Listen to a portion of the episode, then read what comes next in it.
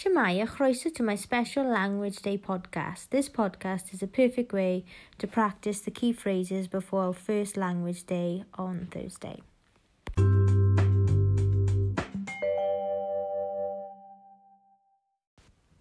First question is Ga e help. Can I have help?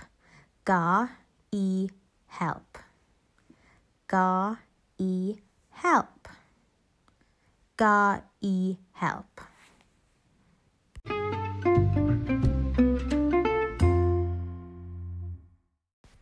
Our second question is Ga i fenthyg. Can I borrow? Ga i fenthyg.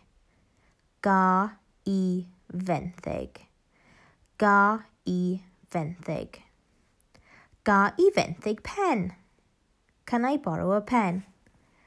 Ga i fenthyg pensil. Can I borrow a pencil? Ga i pren mesur. Can I borrow a ruler?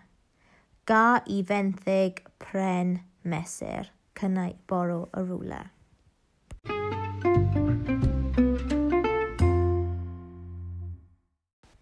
The third question is beth ydy? What is? And pupils can fill in the blanks. Beth ydy what is? Beth ydy?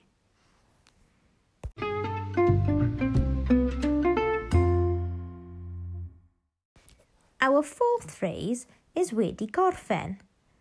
Finished. Wedi gorffen. Wedi gorffen. Finished.